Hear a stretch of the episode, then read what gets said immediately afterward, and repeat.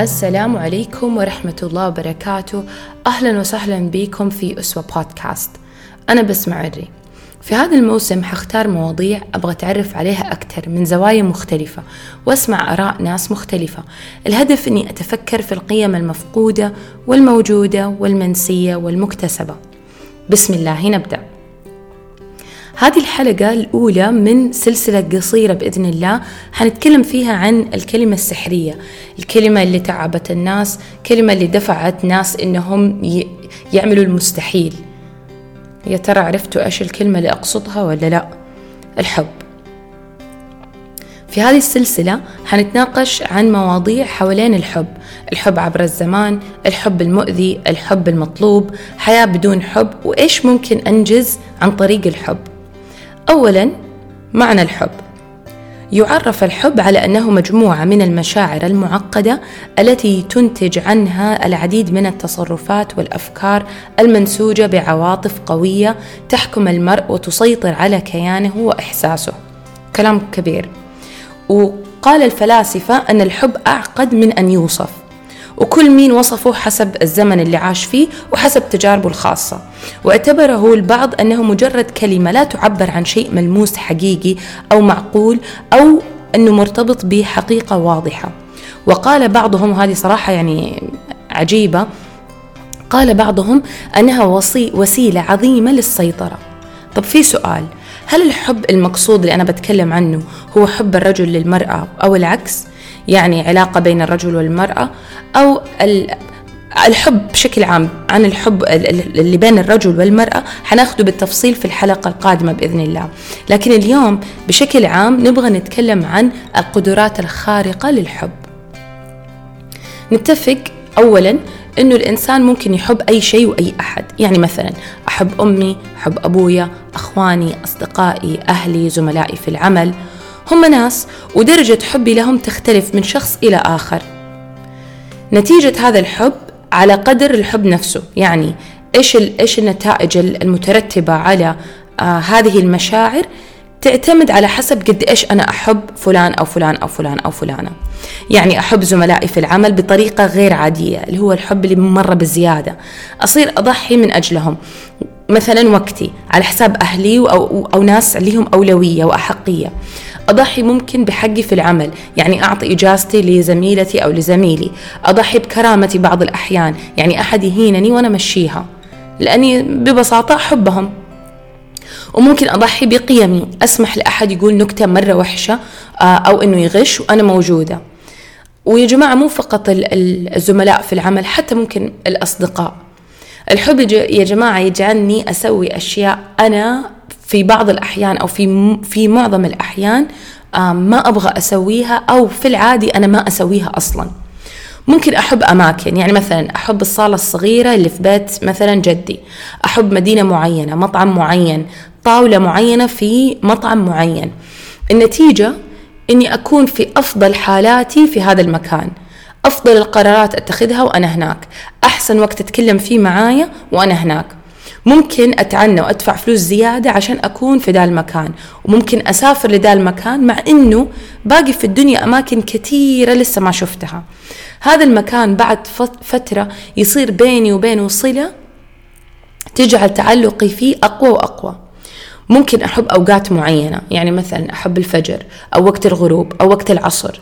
في هذه الأوقات من جوا قلبي أشعر أني أنا أسعد. تلاقي مزاجي مرة رايق مرة مزبوط قدرتي على التفكير أصفى. في منطق أكثر لتفكيري. حماسي وإقبالي على الدنيا يكون أجمل وأكثر وأفضل. باختصار الحب يغير نظرتي للأمور يخليني أشوف شيء بمنظور مختلف تماما. يؤثر على القرارات ويؤثر على التفكير في معظم الأوقات يعني. الحب ممكن يخلق مني إنسان فنانة مرة رهيبة إنسان ناجح إنسان قائد وممكن يخلق منك وحش إنسان مرة سيء. طيب إيش رأيكم؟ نبدأ نعطي أمثلة. مثلا مثلا من الأمثلة اللي أنا شخصيا يعني تبهرني إخوان يوسف عليه السلام. الله سبحانه وتعالى في القرآن يقول لقد كان لي لقد كان في يوسف وإخوته آيات للسائلين.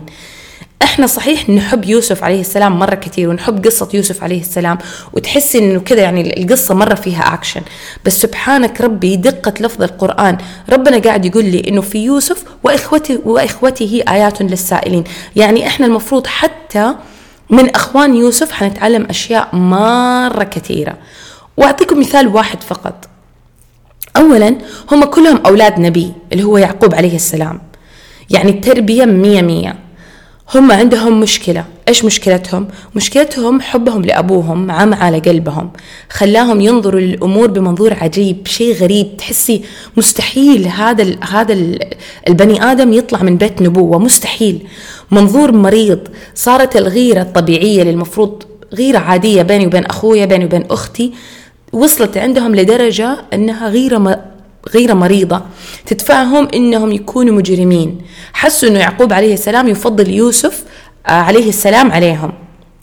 طيب لنفترض إنه هذا صحيح. لنفترض مع إنه القرآن مليان مليان مليان آيات تدل على قد إيش إنه يعقوب عليه السلام يعني يعني هو نموذج رائع للأب. فمستحيل إنه يفضل أحد عن أحد ولكن لنفترض إنه يحب يوسف مثلا أكثر منهم. الطبيعي الطبيعي إني أنا أفكر ليش؟ أسأل نفسي اشمعنى يوسف وأنا لا؟ طب أروح أسأل أبويا هو نبي أسأله بابا أنت ليه تحب يوسف أكثر مني؟ مثلا عليه السلام. إيش ممكن أنا أعمل عشان أفوز بحب أبويا؟ زي ما يوسف عليه السلام فاز بحبه. لكن هم على طول قلب الموضوع عندهم حقد. اقتلوا يوسف أو اطرحوه أرضا. أخوكم الصغير كيف كيف قدرتوا تفكروا إنه اقتلوه؟ لدي الدرجة يعني؟ سبحان الله. طيب آه واللي أكثر من كذا عجيب إنه إيش إيش يقولوا؟ يعني الله سبحانه وتعالى في القرآن يقول لي إنهم وتكونوا من بعده قوما صالحين.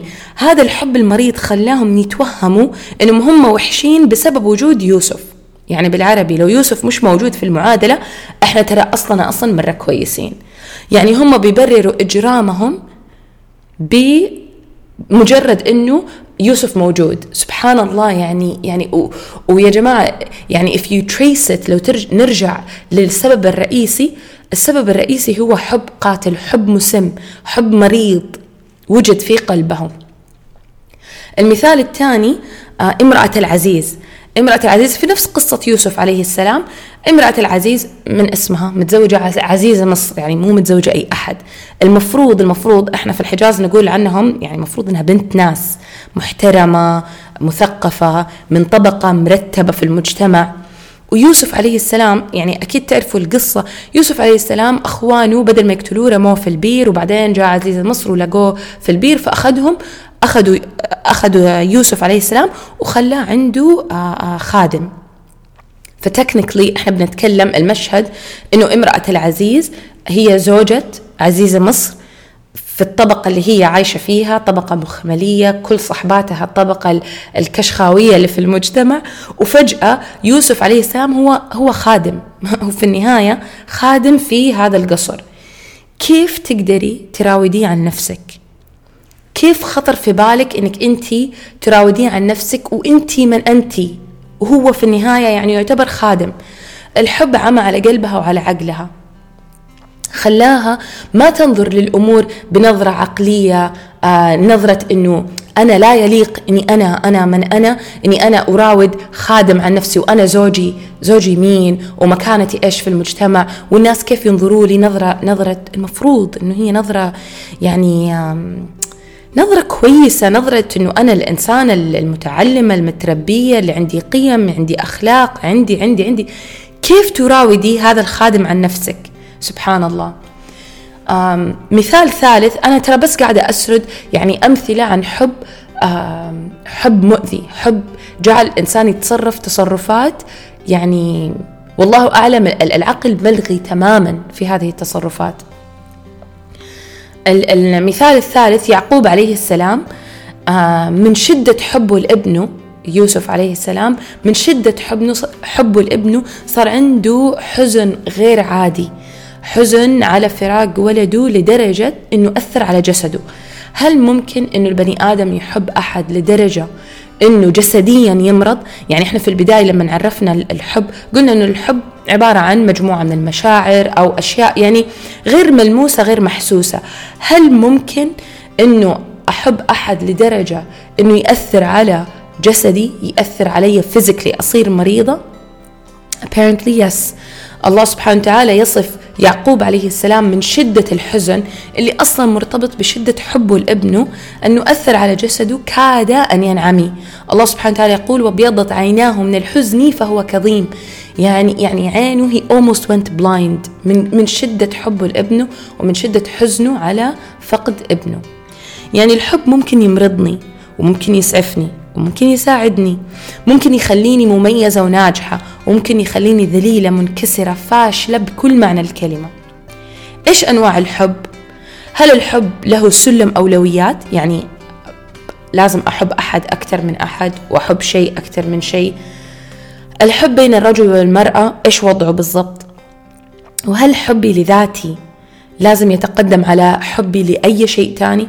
وإيش موضوع حب الذات؟ إحنا عارفين إنه الآن إحنا في زمن آه، حب الذات صار له صيت مرة كبير. الناس كلها تتكلم عن حب الذات وكيف أحب ذاتي وأهتم بذاتي. إيش وضع حب الذات؟ هذا بإذن الله موضوع حلقتنا القادمة. سبحانك اللهم بحمدك. أشهد أن لا إله إلا أنت. أستغفرك وأتوب إليك.